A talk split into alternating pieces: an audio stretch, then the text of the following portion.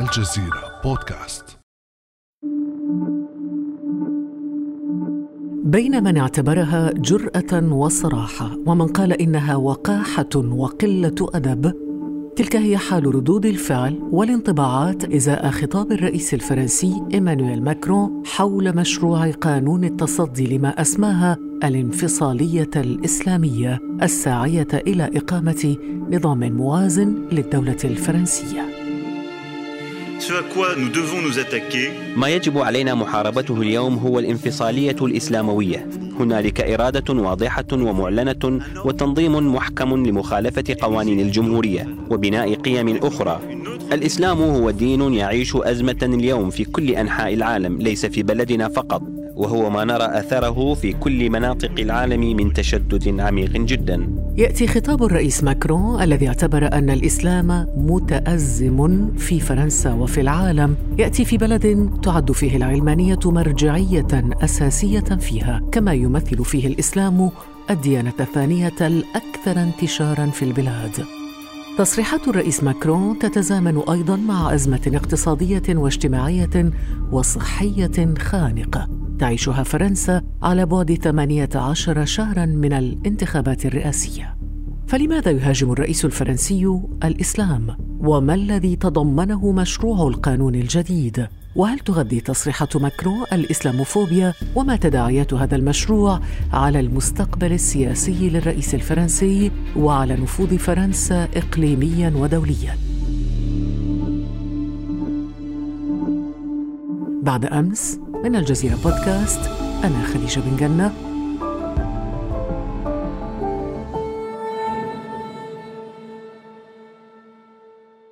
وأرحب معي في هذه الحلقة بالدكتور صلاح القادري الباحث في القضايا العربية والإسلامية. أهلا وسهلا بك دكتور صلاح. مرحبا سيدتي خديجة. شكرا على الاستضافة. دكتور صلاح لو في البداية تعرفنا على حول مشروع قانون التصدي لما يسمى بالانفصالية الإسلامية. هذا القانون الذي يتكلم عليه الرئيس الفرنسي إيمانويل ماكرون يهدف أساسا إلى ثلاثة أشياء. أولا إلى ضمان احترام المؤسسات الإسلامية والجمعيات الإسلامية لمبادئ العلمانية أولا.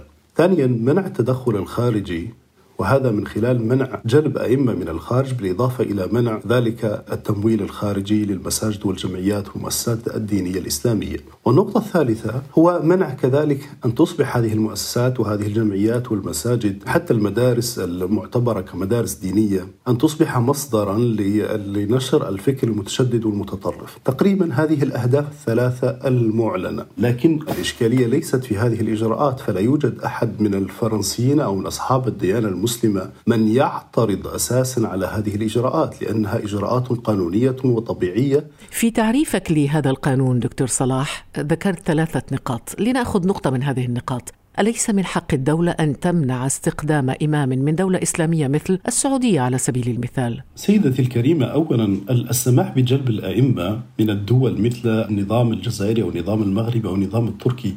هذا لم يكن قرارا اتخذه المسلمون ليأتي اليوم الرئيس إيمانويل ماكرو ليلومهم عنه. جلب الأئمة من الخارج كان اتفاقا دائما منذ السنوات الستينات بين الحكومة الفرنسية وحكومات هذه الدول من أجل جلب الأئمة من الخارج بل كان المسلمون هنا في فرنسا والمواطنون الفرنسيون من أصحاب الديانة الإسلامية ينادون ويطالبون دائما بوقف جلب الأئمة من الخارج خصوصا الذين لديهم إشكاليات. إحدى هذه الإشكاليات هو التمكن من اللغة الفرنسية أولا ثم التمكن وفهم القوانين في فرنسا وثالثا ثالثا عدم تمكنهم من الثقافة المجتمعية ومن المشاكل الحقيقية والواقع الذي يعيش فيه المسلمون وأبنائهم فيأتي خطابهم على خلاف المشاكل الحقيقية والسياق الذي يعيش فيه المسلمون وكذلك بلغة لا يفهمها معظم المسلمين. بالنسبة لهؤلاء الأئمة هل هناك حاجز ثقافي كبير وأغلبهم من شمال أفريقيا من دول مغاربية؟ نعم قد يكون بافتراض أن هناك نقص في عدد الأئمة هنا في فرنسا. ليس هناك الإشكال في جلب أئمة من الخارج. لأنه إذا نظرنا حقيقة من باب المساواة نحن نرى أن الكنيسة المسيحية والكاثوليكية تجلب سنويا قرابة ألفي رجل دين من الخارج من خارج فرنسا وثلثاء هؤلاء الرجال الدين يأتون من أفريقيا. إذا الإشكالية ليست إشكالية قانونية لأن المبدأ إذا طبق على المسلمين يجب أن يطبق على الديانات الأخرى. لكن الإشكالية التي تحصل ما هو؟ أن معظم الأئمة الذين يأتون من الخارج لديهم ثلاث إشكاليات. لديهم إشكالية الحاجز اللغوي بعدم تمكنهم من اللغة الفرنسية. الإشكالية الثانية هم عدم هناك حاجز ثقافي لعدم تمكنهم من فهم الواقع والسياق التي يعيش فيه والمشاكل الحقيقية التي يعيشها المسلمون هنا والإشكالية الثالثة هم عدم تمكنهم من القوانين الفرنسية. المختصر في المسألة أن ليس المسلمون الذين طالبوا بجلب هؤلاء الأمة من الخارج بل كان هذا الاتفاق موجودا بين الحكومات الفرنسية وهذه الحكومات التي تمثل الدول مصدر هؤلاء الأئمة. دكتور صلاح شرحت لنا هذا القانون الذي يركز على مجموعة من النقاط كما قلت من ضمنها وضع حد لجلب أئمة من الخارج فرض رقابة مالية أكثر صرامة على المساجد الخاضعة لتدخل أجنبي أو تمويل أجنبي وفرض إشراف مشدد على المدارس الدينية الخاصة والحد بشكل صارم من التعليم الدراسي المنزلي كل هذه النقاط أليست من صميم اختصاص الدولة في الرقابة على كل ما هو ديني؟ نعم سيدتي الكريمة فالقوانين الموجودة والترسانة الدستورية الموجودة في فرنسا تحمي وتقوم بوضع حد لكل تجاوزات قانونية في النقاط التي تكلم عليها القانون. فاحترام المؤسسات لميثاق العلمانية. هذا شيء إجباري وإلزامي في القانون الفرنسي وعدم احترامه يجب أن يحاسب عليه الجميع كانوا مسلمين أو غير مسلمين. لأن مشكلة هذا القانون هو أنه يضرب إحدى مبادئ الدولة الفرنسية وهي الجمهورية الفرنسية هو مبدأ المساواة. حينما نتكلم عن منع جلب الأئمة يجب كذلك منع جلب رجال الدين اليهود وكذلك السيخيون وكذلك البوذيون والهندوسيون والمسيحيون من الخارج كذلك.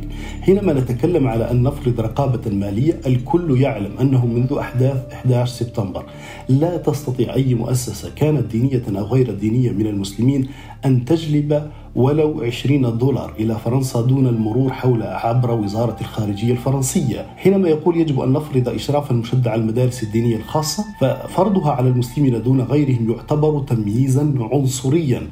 الكلام بأننا يجب أن نلزم أبناء المسلمين في التعليم الدراسي المنزلي قبل ثلاث سنوات. أعطيك مثالا سيدتي. منطقة سان ساندوني التي هي المقاطعة الثالثة والتسعين في فرنسا. الأولاد حتى لو جلبت ابنك إلى المدرسة ليدرس ستقول لأن معظم المسلمين والمهاجرين في هذه المقاطعة حول باريس ستقول لك مدير أو مديرة المدرسة بأنه لا نملك الأموال لأن نستقبل أبناءكم. إذا مشكلة التعليم في الأماكن التي يعيشها المهاجرون وأصحاب الديانة الإسلامية ليس أنهم لا يريدون أن يضعوا أبنائهم هناك لكن الدولة الفرنسية لم تعطي للمؤسسات التعليمية ما يجب حتى يستقبلوا الأولاد. طيب هناك مصطلحان الانفصالية والانعزالية. لو شرحت لنا الفرق بينهما. الانفصالية هو تحرك لجماعة دينية أو لجماعة لديها أيديولوجيا سياسية من أجل أن تخلق كيان منفصل ويمثل خطرا يهدد أمن واستقرار الدولة. بمعنى أنه يكون مهددا لأمن واستقرار الدولة وبالتالي تهديدا لأمن واستقرار المجتمع. أما النزاعات الانعزالية فهي أن تتخذ جماعة دينية نظرا لقناعاتها الدينية أن تكون في معزل عن بقية فئات المجتمع. في هذه الحالة هناك الأول خطر كبير جدا أما الثاني فهو خطر أن تنعزل مجموعة من المواطنين عن ذاتهم وينفصلوا عن بقية قيم المجتمع. نعم وهل طبيعي أن يستخدم الرئيس ماكرون مصطلح النزعة الانفصالية أو مصطلح الانفصالية فيما يستخدم وزير الداخلية مصطلح الانعزالية؟ كان استعمال أصلا مصطلح الانفصالية استعمالا خاطئا وليس له ما يبرره في الواقع أنه حتى حينما كان يتكلم عن من يقومون بعمليات إرهابية هو يعلم جيدا أن من كانوا يقومون بهذه العمليات الإرهابية لا علاقة لهم بالمؤسسات الدينية ولا علاقة لهم بالمساجد، بل هم أصحاب سوابق عدلية ومشكلتهم ليست أنهم نشأوا في مساجد بقدر ما نشأوا في أحياء شعبية يوجد فيها غالبية مهاجرين مسلمين أو غير مسلمين ولم يجدوا ما يمنعهم أن يكونوا من أصحاب الجرائم والسوابق العدلية، هو يتكلم الآن عن الانفصالية. لكن هذه الأعمال لا تمثل المسلمين فمصطلح الانفصالية هو مصطلح خطير جدا يجعل الفرنسيين من غير الديانة الإسلامية يعتقدون أن مواطنيهم من أصحاب الديانة الإسلامية أصبحوا يمثلون خطرا على استقرار وأمن دولتهم واستقرار وأمن مجتمعهم وكذلك خطرا على فرد الفرنسي وعلى هوية الدولة الفرنسية. طيب أفهم من كلامك دكتور صلاح إنه هناك في خطاب الرئيس ماكرون خلط ربما لمصطلحات مختلفة مثل السلفيين والجهاديين والإخوان المسلمين والمحجبات وحتى ربما تجار المخدرات وعصابات الأحياء الفقيرة المهمشة. كل ذلك وضعه ماكرون في سلة واحدة؟ بدأ توجه في ربط مشاكل فرنسا بالمسلمين والإسلام. وبالمواطنين الفرنسيين من أصحاب الديانة الإسلامية مع الرئيس الفرنسي نيكولا ساركوزي. ثم استمر نفس الخطاب في وقت رئاسة فرانسوا هولوند بقيادة رئيس الوزراء آنذاك إيمانويل فالس. والرئيس إيمانويل ماكرون في بداية عهدته كان يتكلم دائما بخطاب متوازن وخطاب حكيم فيما يتعلق بالإسلام والمسلمين. لكن في آخر عهدته الرئاسية نظرا لمشاكله السياسية ومشاكله الاجتماعية التي يعاني منها وكذلك انخفاض شعبيته والكثير من المشاكل التي يعاني منها حزبه الحاكم عاد ليستلم قيادة نفس الجو وهو ربط مشاكل فرنسا بالمسلمين وهو يعلم جيدا أن مشاكل فرنسا هي مشاكل متعلقة بطريقة تسيير الدولة الفرنسية.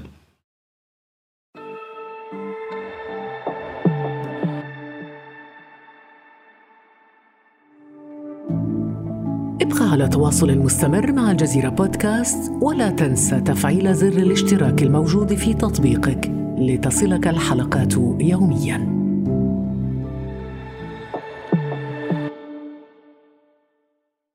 هل هناك أي مغزى لتوقيت إطلاق هذه التصريحات دكتور صلاح قبل الانتخابات الرئاسية الفرنسية المقررة بعد سنة ونصف من الآن؟ بداية بخلاف الانتخابات البرلمانية التي تلت انتخابات رئاسية خسر حزب الرئيس الفرنسي مانويل ماكرون الانتخابات الأوروبية التي نجح فيها اليمين المتطرف وخسر كذلك الانتخابات البلدية التي نجح فيها الخضر وكذلك صعد اليمين المتطرف في كثير من الجهات فلذلك هو الآن يريد أن يتدارك هذه الخسائر الانتخابية لحزبه الحاكم. أولا. ثانيا هناك مشاكل داخلية ومشاكل انقسامات داخل حزبه. النقطة الثالثة هناك إشكالية الآن وهناك سخط وهناك انخفاض لشعبية الرئيس إيمانويل ماكرون عام ونصف قبل الانتخابات الرئاسية. وذلك راجع إلى مشاكل أساسية. مشكلة التسيير السيء لإيمانويل ماكرون وحكومته لأزمة فيروس كورونا حيث الآن يوجد المئات من الأطباء ومن الكوادر الطبية الذين رفعوا دعاوى قضائية ضد حكومة إيمانويل ماكرون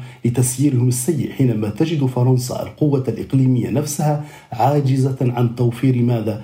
الكمامات حتى للأطباء والممرضين وهناك إشكالية كذلك قانون التقاعد وكذلك إشكالية السترات الصفراء. هذه الحركة التي لا تريد أن تخمد والتي مثلت حقيقة إشكالية كبيرة. الرئيس إيمانويل ماكرون يريد أن يقوم بعملية تعمية وإلهاء للرأي العام بالكلام عن الانفصالية والانعزالية الإسلامية بدل أن يتكلم عن المشاكل الحقيقية التي عجز عن حلها. لكن دكتور قبلت تصريحات ماكرون كما نعرف بموجة استنكار شديدة وكبيرة جدا من المسلمين ليس فقط داخل فرنسا ولكن خارج فرنسا أيضا ومن عدة هيئات دينية وعلمية في العالم الإسلامي. وحاول وزير الداخلية الفرنسي جيرالد دارمانان وضع حد لهذا الجدل بإعلان إلغاء مصطلح الانفصالية من مشروع القانون الجديد. دكتور صلاح أنت كيف تقرأ ردود فعل المسلمين داخل فرنسا وخارجها حول هذا المشروع؟ يرى المسلمون بأن خطاب ماكرون خصوصا برمزيته كرئيس الجمهورية الفرنسية سيعطي شرعية الخطاب اليميني المتطرف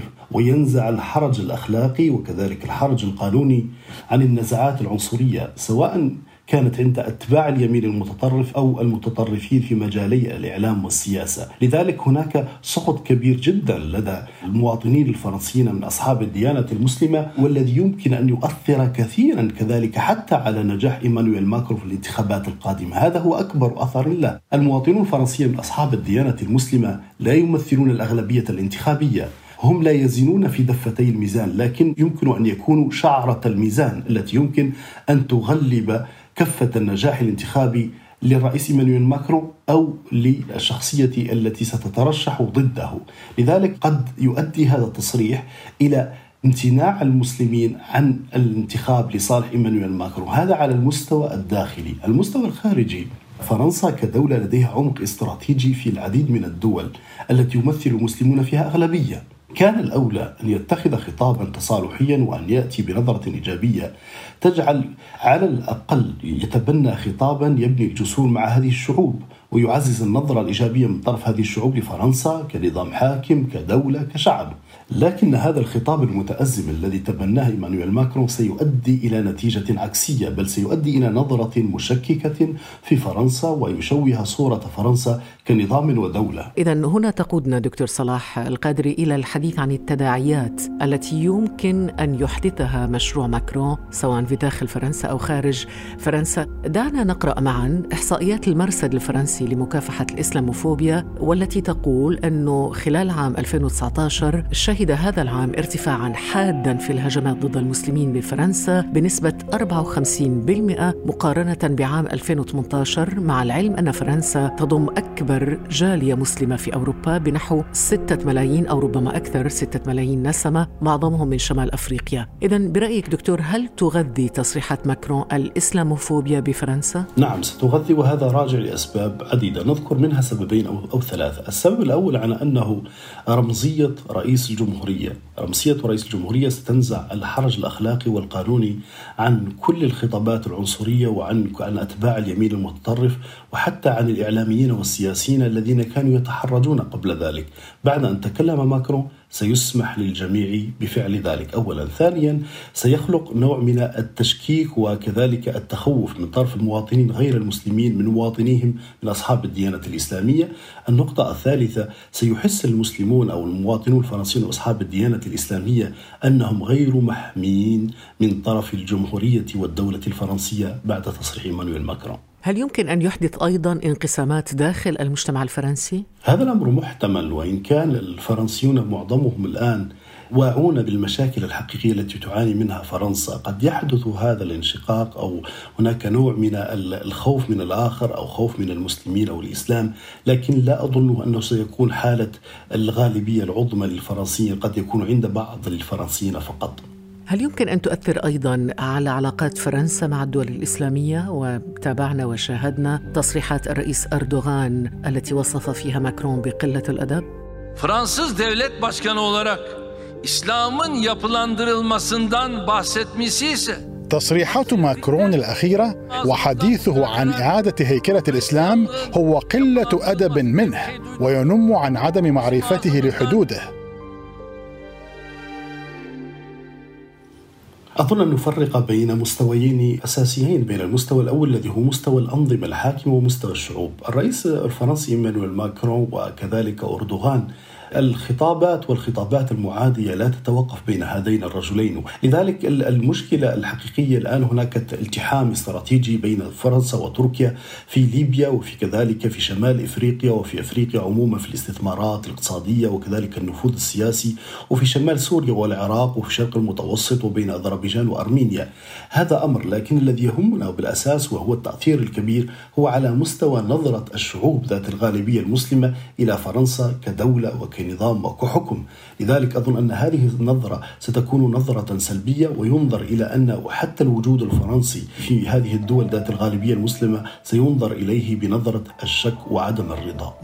هل يمكن أن يكون أيضا لهذه التصريحات تداعيات أمنية داخل فرنسا؟ هل هذا محتمل؟ مثل ما حصل أنه لم يجذب الرئيس الفرنسي إيمانويل ماكرون العمليات العدائية أو أو ارتفاع نسب العنصرية ضد المسلمين، وضع الزيت على النار حينما قال أن الإسلام هو في حد ذاته يعاني من أزمة ويمثل مشكلة، فبالتالي كأنه قد يعطي الضوء الأخضر بشكل أو بآخر لارتفاع العمليات ونسب العنصرية ضد المسلمين، هذا هو الإشكال الكبير الذي يمكن أن يؤدي إليه هذا الخطاب. أشكرك جزيل الشكر دكتور صلاح القادري الباحث في القضايا العربية والإسلامية. شكرا لك. شكرا سيدتي وشكرا على الاستضافة.